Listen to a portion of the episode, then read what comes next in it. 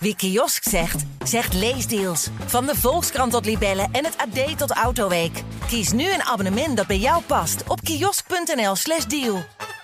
What if it just gets worse and worse and worse to the point where we can't even be in the same room with each other? I'm not great at the advice. Can I interest you in a sarcastic comment? Welkom bij Culturele Bagage, de wekelijkse cultuur- en tijdsgeestpodcast van de Volkskrant. Mijn naam is Esma Linneman. Afgelopen zaterdag overleed acteur Matthew Perry op 54-jarige leeftijd in zijn eigen huis in Los Angeles. De doodsoorzaak is nog niet duidelijk, maar wat we weten is dat hij levenloos werd gevonden in zijn tub.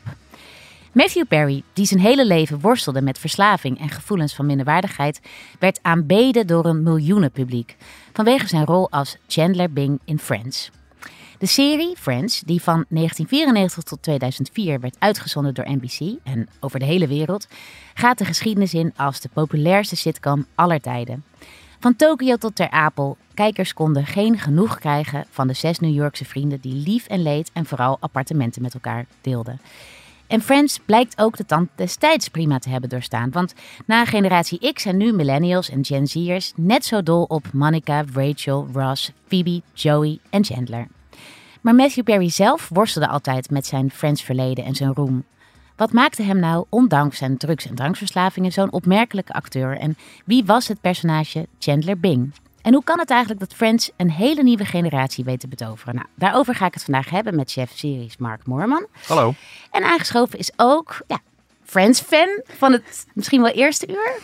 Ja, En eindredacteur van de Volkskrant, Alice Uilen. Welkom. Dank je. Ehm, nou, Mark, jij schreef een stuk over Matthew Perry, de acteur die dus afgelopen weekend is overleden. Ja. Ehm, wie was deze man? Nou ja, ik kende hem eh, natuurlijk ook vooral via de rol van Chandler Bing. Ken jij iemand anders die Chandler heet trouwens? Nee, Dat of is een Bing. opmerkelijke naam, toch? Ja. Ja, ook een hele goede naam, want Ja. ook, ook meteen zo in één klap onvergetelijk, zeg maar. Ja. Nee, hij, hij was zelf, eh, toen hij gecast werd voor Friends, was hij het, het jongste lid van de cast. En 24 geloof hij ik, was hè? 24. Eh, hij had toen al wel een, eh, hij had in ieder geval de, de, de brandende ambitie, niet alleen om acteur te worden, maar ook om beroemd te worden, zoals hij vele malen heeft gezegd. Ja. Hij had een soort aanloop met, met wat kleinere rolletjes links en rechts. Toevallig toen Friends in beeld kwam, was hij ook al gecast voor een andere comedy-serie. Een heel, heel bizar ding waar nu beelden van online eh, rondzwerven over de bagagehandelaren op ehm, het vliegveld van Los Angeles in de toekomst. Oké. En dat ziet er zo bizar uit dat je denkt, nou dat, dat was nooit voorbij in de eerste aflevering gekomen. Dus Friends was de, de reddingsboei hier. Ja. En dat, de, de, de rol die hij daar speelde, dat denk je bij die andere acteurs in Friends ook wel, dat het allemaal op hun lijf geschreven is. Eh, maar bij, eh, bij Matthew Perry misschien meer nog dan de anderen. Zijn, het, is een, het is een soort personage, misschien ook wel, ik vond dat zestal toch de meest ongrijpbare eigenlijk. Hij gebruikt humor voortdurend als een soort schild om zichzelf achter te verbergen Ja. eh, en om, om een soort onzekerheid te maskeren. Ik had het altijd een beetje met hem te doen op een of andere manier. Alsof hij, Ja, alsof de wereld net een maatje te groot voor hem was. Of Ja, hij gewoon... hij was, hij was ook. Je had natuurlijk wel vaker, en zeker in sitcom, personages die de grappigste waren. Of Ja. de leukste van de groep. Maar bij hem was elke grap was tegelijkertijd. eh, kwam een soort blik bij van eh, wat heb ik gezegd en komt dit wel aan en is dit eigenlijk wel een goede grap. Dat waren een beetje van die aspecten in een, in een komisch personage die we op, zeker op dat moment nog eigenlijk helemaal niet kenden. Iemand die en misschien de grappigste van de groep is, maar ook, ook heel onzeker is. En hij had ook echt een, echt vond ik een opmerkelijk talent om daar een soort fysieke humor aan toe te voegen en, en blikken. Tegelijkertijd had hij ook iets nondescripts, tenminste zijn, zijn baan bijvoorbeeld. Ehm Nou ja, ik dat ben er nooit dat- helemaal achter gekomen wat voor soort... Nee, hij was, hij was dan zeg maar in dat gezelschap van, van met, hè, dat- je had de acteur en je had de dit en je dat. En hij had de kantoorbaan. Ja. En de kantoorbaan was dan bijna een soort mystiek ding. En per definitie zo oninteressant dat niemand eh, er ook maar aan dacht om aan hem te vragen, maar wat doe je dan eigenlijk de hele dag? Maar je zag hem af en toe in een scène, had, hij had als enige dan een pakken aan en dan had hij een koffertje en dan vertrok hij. Ja. Ik dacht, ja, hij gaat naar zijn baan. En dat was dan. Maar goed, dat hoorde op een of andere manier ook wel bij de mystiek van dat personage. Van niemand weet wat hij eigenlijk doet overdag. Nee, precies. En jij zei, nou ja, deze rol was op zijn lijf geschreven. De echte Matthew Perry had niet een kantoorbaan. Maar was wel eveneens misschien onzeker over zijn plek op de wereld en in de groep. Ja, nou, ik, dat, we, we hoorden natuurlijk later, en zeker, kijk, die eerste generatie die gewoon de, de serie, die, die, die zagen natuurlijk niet dat er, dat er ook nog een soort lijdensverhaal zich afspeelde voor ieders ogen. Maar dat zagen natuurlijk de andere acteurs wel. En hij heeft later dan natuurlijk, met name in dat boek dat hij precies een jaar geleden eh, gepubliceerd heeft, zijn memoires over die tijd. Friends, Lovers and the Big Terrible Thing in het Engels. Ja, precies. The Big Terrible Thing was, was, was zijn extreme verslavingsgevoeligheid, waar hij ook al voor Friends mee worstelde. Maar, maar zeker, ja, eh, dat, het was een serie waar gewoon elke week over de hele wereld honderden miljoenen naar keken. Dus, dus zijn worsteling was voor zijn gevoel ook zichtbaar. En dat is natuurlijk een van de dingen waar hij dan later op reflecteerde. Dat het voor hem heel lastig was om terug te kijken.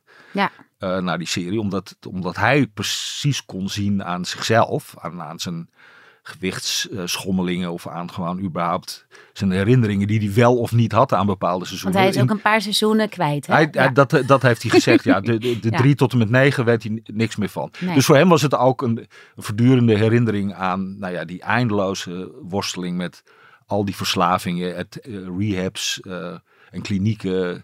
Want uh, Alice, jij hebt die uh, memoir gewoon gekocht en gelezen. Ja, um, ik had hem gekregen, maar ja. ja. ik dacht, ja, dat ga ik wel lezen. Ja. ja. En, en wat, wat staat daarin? Wat voor soort beeld kreeg jij van, uh, van Matthew Perry? Ja, nou toch echt wel van een tragische figuur. Hè? Dat is altijd lastig om te zeggen over iemand die zo rijk is. Hè? Dan zit je toch een beetje te lezen met uh, hoeveel medelijden heb ik met uh, deze persoon.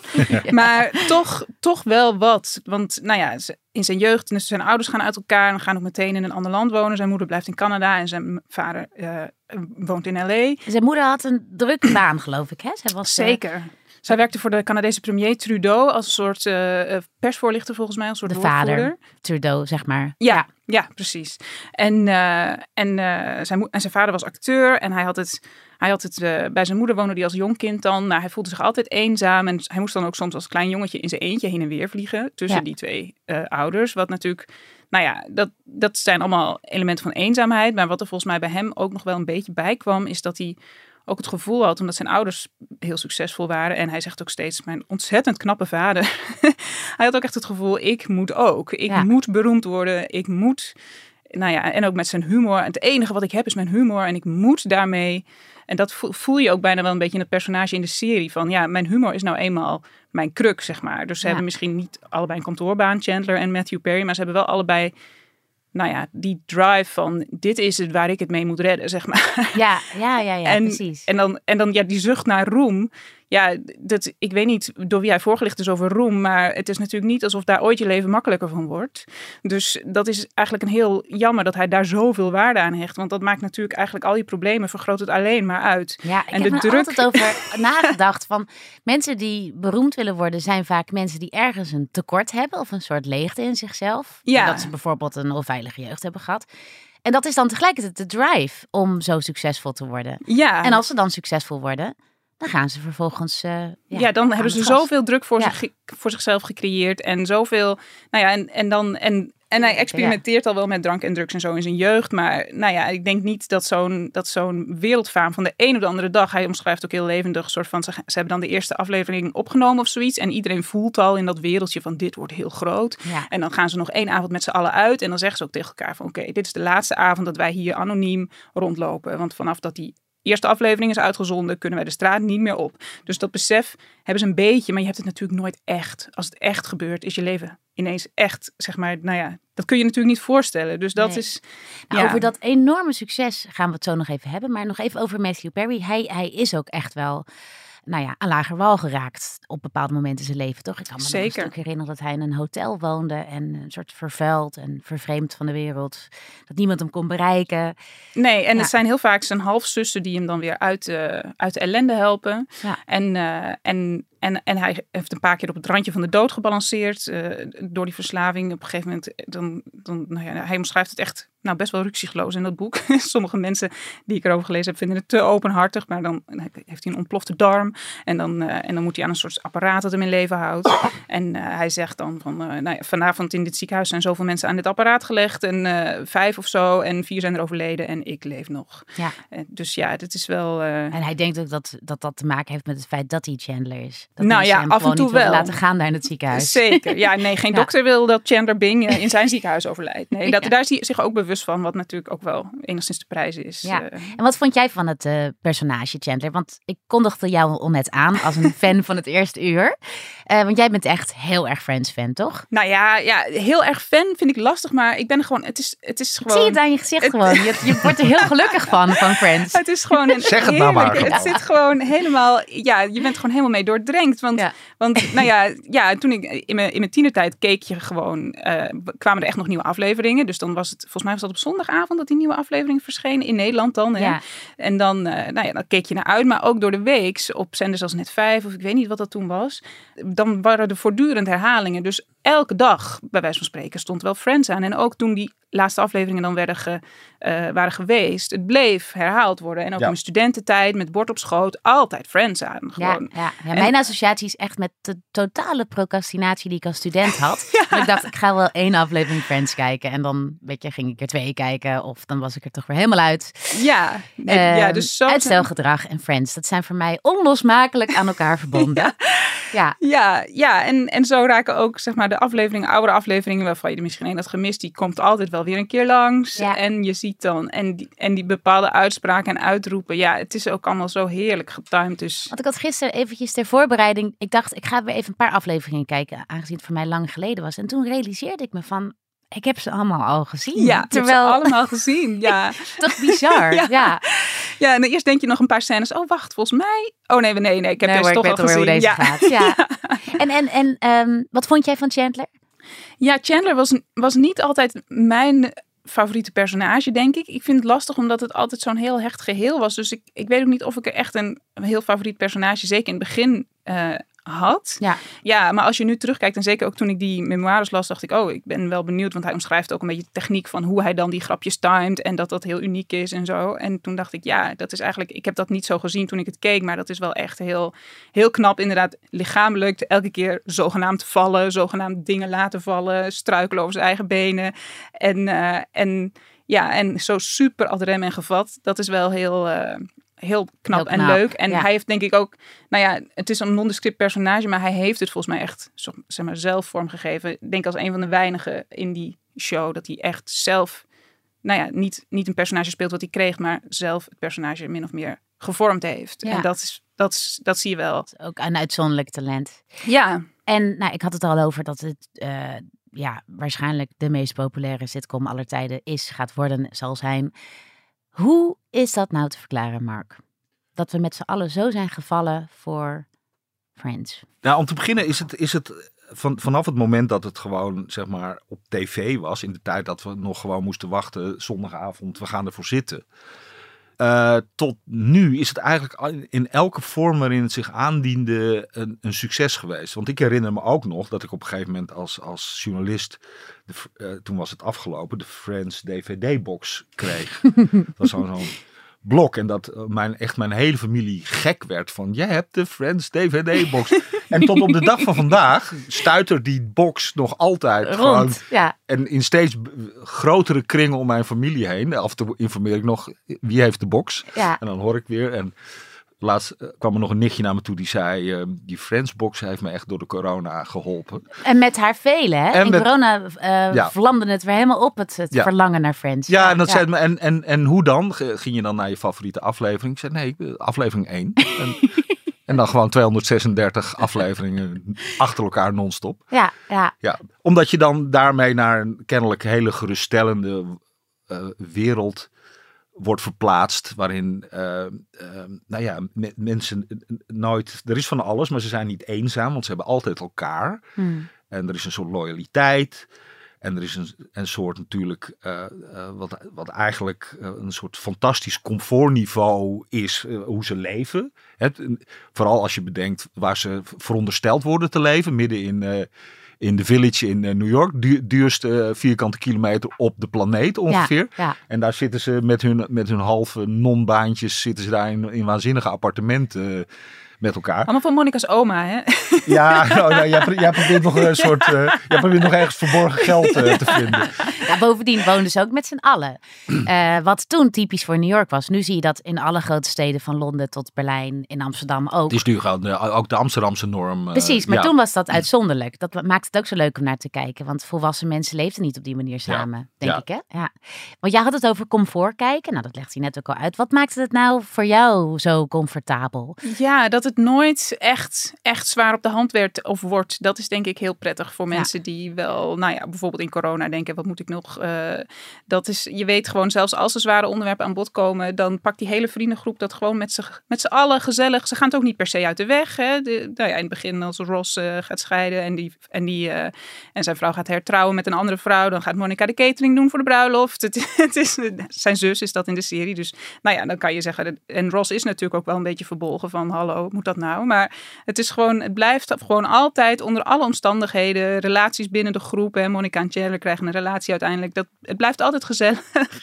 en soms dan komt er een, eh, dan is er een, eh, hebben ze verkering en dan gaat het, eh, en dan gaat een van de andere friends, die voelt eigenlijk meer. Dat gebeurt meerdere keren, voelt eigenlijk meer voor de, voor de nieuwe love interest. En dan, nou, dat is dan even frictie. En dan, oh, nou, uiteindelijk hebben die nieuwe twee dan dus toch de relatie, zeg maar. Het is allemaal heel ontspannen. En ik denk dat dat, eh, dat dat heel erg helpt. Ik denk dat het helpt dat het in heel veel huizen altijd aan heeft gestaan. Dus dat, het, dat je het altijd weer herkent. En, eh, en wat ook grappig is, dat het Friends-gevoel zit eigenlijk ook in een scène in de serie. Want je hebt dan, ze gaan op een gegeven moment naar Londen, omdat eh, Ross gaat trouwen met een Engels meisje, Emily. Emily, ja, precies. Ja, en eh, nou, dat loopt allemaal helemaal verkeerd af, maar dat is, dat is een verhaal op zich. Alleen ehm, die hele groep gaat dan naar Londen, behalve Phoebe. Lisa Kudrow is op dat moment echt zwanger en Phoebe is zogenaamd zwanger van de drieling van haar broer.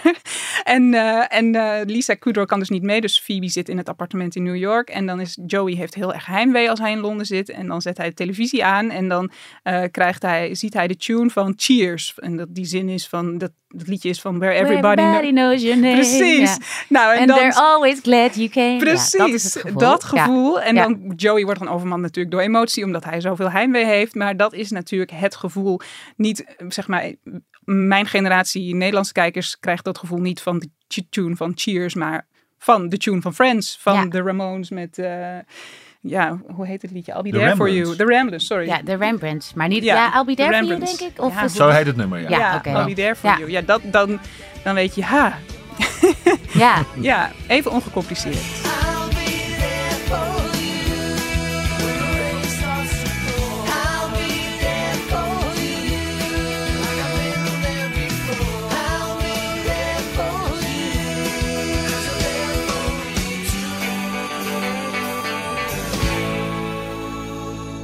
Dus dat is een beetje de illusie die ons wordt verkocht hier bij Friends. Of klink ik nou te cynisch? Dat het allemaal onge- dat, dat, nou ja, Dat, dat mensen er altijd zijn voor elkaar. Dat het knus is. Nou ja, en voor de, en voor de Ja. kijker. Ik, Ja. ik vond het woord in, de, in de stuk in de New York Times die, die wat wilde reflecteren over wa- waarom is, is er zoveel emotie rond deze eh, dode acteur. Eh, daar werd het woord TV-companion gebruikt, weet je wel. En, Ja. en niet, ze zijn companion van elkaar natuurlijk, maar ze zijn ook al die tijd gezelschap geweest van de kijker. En die is ermee groot geworden. En die stapt af en toe ook nog in zijn eigen tijdmachine door. Of die DVD-box, of die 100 miljoen memes die overal op social media rondzwerven. Ja. Om daar nog even van, oh ja, dat is dit moment. Of, nou ja, daarmee reflecteer je natuurlijk ook op de, de, ja, je eigen route door het leven. En Ja. je eigen vriendschappen. Ja, en daardoor zijn we nu, of we, heel veel mensen dus in een soort interessante rouw. Want we rouwen dan om Chandler. Eh, Matthew Perry zelf kenden we natuurlijk niet. Hoe, hoe ben jij eronder eigenlijk, Alice? nou ja, Want ze is- komen nu natuurlijk, dat was al eh, best duidelijk dat dat niet ging gebeuren. Maar ze komen nu officieel nooit meer samen. Nee, nee, nee, Wat denk ik ook wel goed is hoor. Ik denk dat eh, ook, nou ja, die reunie vond ik ook wel enigszins pijnlijk om te kijken. Ja. Ik heb Wanneer nog was die reunie ook alweer? Ja, ook een jaar geleden volgens mij. Ja, nee, toch? dat is twee, twee jaar. Oh, twee jaar. Ja. geleden. Ja.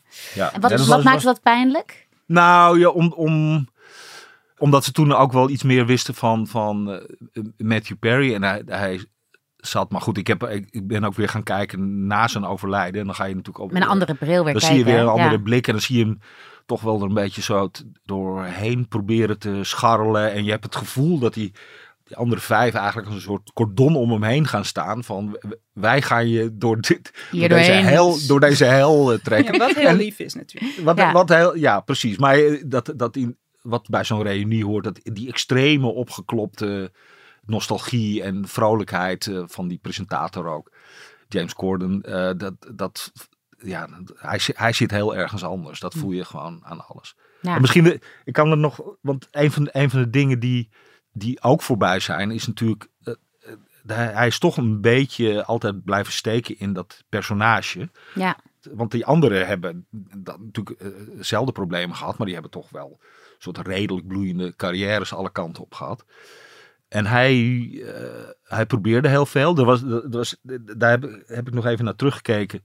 Terwijl Friends nog bezig was, speelde hij een gastrol in The West Wing. Wat toen de tijd echt zeg maar, de kwaliteitsserie was. Ja. Eh, Begin jaren nul, zeg maar.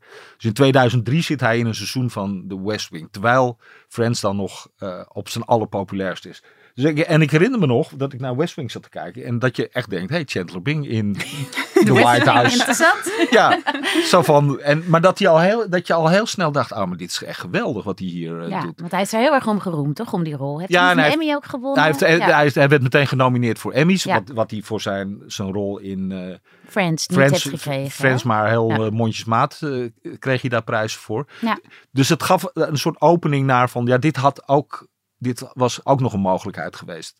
En dat is natuurlijk eigenlijk een soort route die, eh, eh, nou ja, door zijn eigen problemen is afgesloten. Afgesneden, ja. Ja. Jij zegt eigenlijk van, hij had misschien wel ja, een hele grote acteur kunnen zijn naast Friends. Ja. Als hij niet ja, zichzelf deed het aan het verdoven Ja. was geslagen. Hij speelt Ja. drie jaar na Friends in, in een serie die Studio 60 heet. Die niemand ooit gezien heeft, behalve ik. En dat is een van mijn favoriete series ever. En die werd na één seizoen, 22 afleveringen, weer afgeschoten. Ik heb het bewijs dat die is geweest, omdat ik thuis de DVD-box heb. Af te halen bij Mark Moorman. Ja. Nee, maar echt geweldig. En, maar, dat, dat, maar- ook met een soort melancholie van, ja, wat, wat ook... eh, Wat als, ja. Wat als. En Ja. eh, nou ja, dat is duidelijk nu. Ja.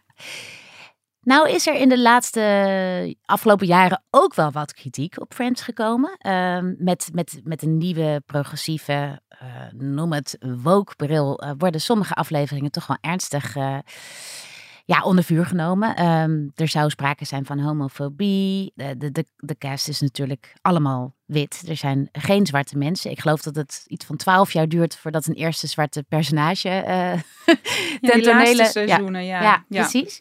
Wat vind je? eh, Ja, Ja, dat met is de waar. blik van nu zie jij soms ook. eh, Ja, dat is, ja, dat is. En ook inderdaad dat Monica als eh, jong meisje dik is geweest en zo. En eh, dat, dat er de hele tijd is. Nou ja, of dat Phoebe dan een liedje zingt van. als ze zich voorbereidt op het huwelijk van Chandler en Monica.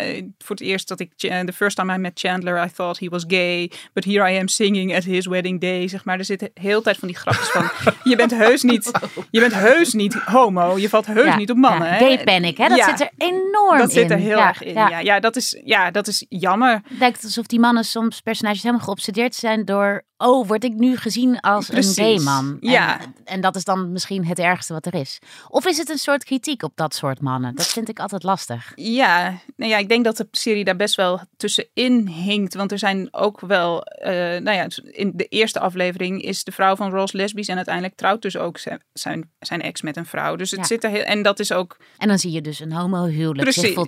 Ja, Eh, ja, in Eind een Amerikaanse 90. serie eh, toen het homohuwelijk nog helemaal niet eh, legaal was. nee, dus, dus Ja. het is, ja, het, het hinkt daar heel erg tussenin, tussen wat vindt het publiek verteerbaar, hè, terwijl twee vrouwen die trouwen en waarschijnlijk niet twee mannen die trouwen. En, en, wat, en ja, wat willen we toch eigenlijk zelf ook wel een klein beetje, nou ja, dat vinden we toch wel leuk om te brengen. Zo, zoals dus, hè, dus ze willen wel iets vooruitstrevends brengen dan, Mhm. denk ik. Ja, hetzelfde geldt voor Rachel eh, Green, die, eh, waar heel veel discussies over is of zij nou wel of niet Joods is. Ja, Eh, sommigen zeggen, van, ja, dat kan niet anders dan dat ze Joods is. Ehm Monica en Ross zijn dat wel, maar zij kan dat dan toch niet helemaal zijn, omdat ze dus ook die girl next door moet zijn en iedereen moet op haar kunnen vallen. Ehm, ja, Ja, ja ik, uh, ik, ik had dat zelf. Maar ja, ik was natuurlijk ook zelf een meisje. En ik had zelf helemaal niet zo door dat Rachel nou echt het allermooiste was. Ik vond eigenlijk al die drie vrouwen heel erg mooi. Ja, ik zat gisteren nog te kijken. Rachel was fantastisch. Maar uh, Monica is ook werkelijk oogverblindend. En ja. eigenlijk is Phoebe dat ook. Zeker. Ik vind ze al, en ik vond het dus wel eens flauw ja. dat er maar één echt heel knappe man in zat. En drie van die beeldige vrouwen. Dat dus ook heel flauw. ja, en wie is dan mijn grootste man? Dat wil ik dan Joey. Oh, Joey. Oh, nou ja, en die is niet eens knap, maar enigszins aantrekkelijk wel. Dat je denkt, dat zou wel kunnen.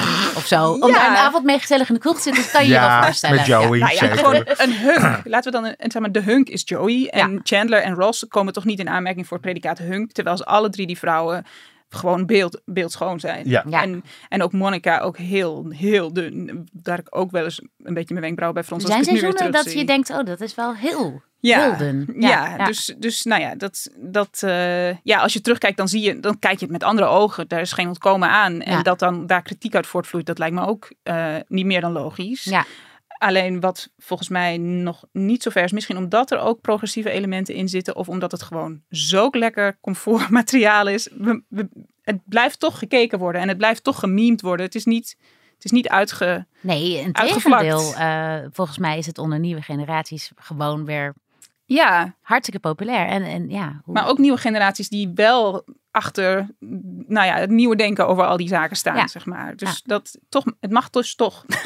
ja series uh, na Friends hebben allemaal een beetje geworsteld met bijvoorbeeld dat vraagstuk over diversiteit. Hoe, hoe uh, kun je eigenlijk wel een serie maken over zes witte vrienden? Maar dat is af en toe ook een beetje geforceerd misschien, Mark, of niet? Ja, nou ja, je, je had... Je had uh, jaren later kreeg je natuurlijk, dat was dan een soort nieuwe generatie vrienden in New York serie met Girls van ja. Lina Dunn. Die nog veel harder met die vraag geconfronteerd werd. Ja. werd van hoe, hoe kan je nu een serie maken over vier witte vrienden. Alsof je de realiteit van New York aan het ontkennen bent. Ja, Seinfeld vind ik een geniale serie. Maar tegelijkertijd ook wel een lastige serie als het gaat over dit soort opvattingen. Dat ja. je af en toe... Over man-vrouw verhoudingen ook, hè? Ja, ja, die eindeloze stoet van de, de, vriendinnen van Jerry die daar passeren en die al, allemaal worden uitgekotst eigenlijk door dat vriendenclubje. en, dan, en dan kun je zeggen, ja, maar het was ook de bedoeling dat we dat vriendenclubje helemaal niet sympathiek vonden. Want het Ja. ging om nare New Yorkers die alleen maar aan zichzelf dachten. Terwijl Friends helemaal niet over nare New Yorkers gingen. Dat, dat, dat moesten, weet je wel, elke kijker moest het gevoel hebben van, was ik maar friend nummer 7 Ja. in dit gezelschap. Ja, ja precies. Ja. En dat is een heel andere eh, invalshoek En ik denk dat ze dat ook een beetje redt. Dat het gewoon, dat het nooit echt naargeestig werkt. Zeg Nee. maar. Dat het nu nog fijn blijft om te kijken. Omdat het wel, ja, flauw en afgezaagd en moet dat nou, maar niet echt naar wordt. En ik zie nu, er is dus zelfs een museum geloof ik nu ingericht of een soort plek op de NDSM hier in Amsterdam waar je dan weer eh, op de foto kan gaan met je eigen vrienden in het decor van, van Friends. Houdt dan nooit op, deze populariteit van deze serie die, die toch wel bijna 30 jaar oud is? Wat voorspellen jullie? Nou, wat ook een deeltje van de nostalgie misschien is, is dat het helemaal voor het digitale tijdperk zich afspeelt. Hè? De hele tijd zijn antwoordapparaten en, eh, en eh, één telefoon in het hele huis en Ja. dat soort dingen. En ik denk dat dat, dat, dat, dat zeker voor mensen die nu opgroeien, dat het altijd fascinerend blijft. Ik denk nog heel lang fascinerend blijft. Alleen al om te kijken hoe ziet dat leven eruit in dat tijdperk. Ja. Ik denk dat we bijna ons niet voor kunnen stellen hoe Als een radicaal... historisch document bijna. Bijna wel, ja. Omgangsvormen in eh, de 90s. Precies. Ja. Ja, ik, ja en, en natuurlijk, ik denk dat die, dat die zucht naar het verleden, dat het internet dat heel erg uitlokt. En doordat je al die Friends-afleveringen ter beschikking hebt, zeg maar, om eindeloos te blijven memen, denk ik dat dat wel, eh, ja, ik zou niet weten onder invloed waarvan dat zou moeten uitdoven. Nee. Nou ja, je hebt, je hebt wel, da- daar moest ik ook aan denken dat eh, vanaf nu er altijd ook een beetje een soort klein eh rauw randje omheen zit. Ja, Al die scènes, weet je wel, je denkt, ja, er is al één, is er niet meer. the one who Dus het is of definitief, the- is het gewoon een, The een- one where we lost a friend. The one Ja, where- zo iets wat ik voorbij zag komen. Ja. Ja. Ja. Ja. Ondertussen is dus zijn biografie wel een, een herdruk, krijgt dat in Nederland.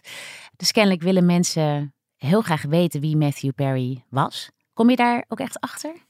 Ja, nou, het is, het is als boek. Ik weet niet of ze er nog verder iets aan gaan doen, maar het, als boek is het niet per se heel geslaagd. Het- Hij de eindredacteur van de Volkskrant. ja, hij herhaalt zich veel en, eh, en van sommige dingen twijfel je ook van, ja, jij hebt dit zo ervaren, maar zou dit nou, zeg maar, nou ja. Ja, ze hadden De- gewoon jou moeten bellen om even met de stofkan doorheen te Ja. gaan, toch? Nou ja, dat is natuurlijk ook als je zo'n mega celebrity, die, die krijgt natuurlijk ook weinig tegenspraak eh, Ja. in dat hele proces. En, en hij schrijft het best wel vanuit van, oké, dit is nu een hoofdstuk dat achter me ligt. Ik kijk nu naar voren. En, maar je leest eigenlijk, je voelt eigenlijk dat hij nog heel erg in dat, niet zozeer in die verslavingen, maar dat hij nog heel erg in het proces zit om het af te sluiten. Ja. En dat dat helemaal nog niet echt klaar is. En eh, nou ja, dat is eigenlijk, het was eigenlijk nou ja, veel beter en mooier geweest als hij echt nog veel langer had geleefd. Ja, En echt, eh, nou ja, tot het afsluitpunt zou kunnen zijn gekomen. Want dit voelt toch, het, ja, je leert heel veel over Matthew Perry en hij heeft allemaal heel verrassende kanten. Hè. Hij had dus ook nog tennistalent in Canada. En dat, de, ja, gewoon het tijdsbeeld en ook hoe gaat dat dan als een serie wordt opgenomen en dat je de hele tijd met al je medeacteurs zit te aas op die ene rol in die nieuwe serie waar iedereen het over heeft. In dat wereldje dan, want niemand heeft het natuurlijk nog gezien. Dus dat soort, dat is allemaal heel leuk en interessant om te lezen. Ja. Maar eh, ja, ja het, is, het is niet een, een ontzettend hoogstaand boek. Het was leuker geweest, denk ik, als hij over 20 of 30 jaar nog eens een boek had geschreven. ja, Ja, ja, maar ja. dat gaat het niet meer Het was gewoon leuker geweest als hij Ja, nog bij ons was. ja. Nou, dank jullie wel voor jullie komst naar de studio. Dit was Culturele Bagage. Montage wordt gedaan door Tieme Hageman en eindredactie wordt gedaan door Julia van Alem en Corine van Duin en Emily van Kinschot. En wil je de Volkskrant steunen? Ga dan voor een abonnement naar www.volkskrant.nl slash podcastactie.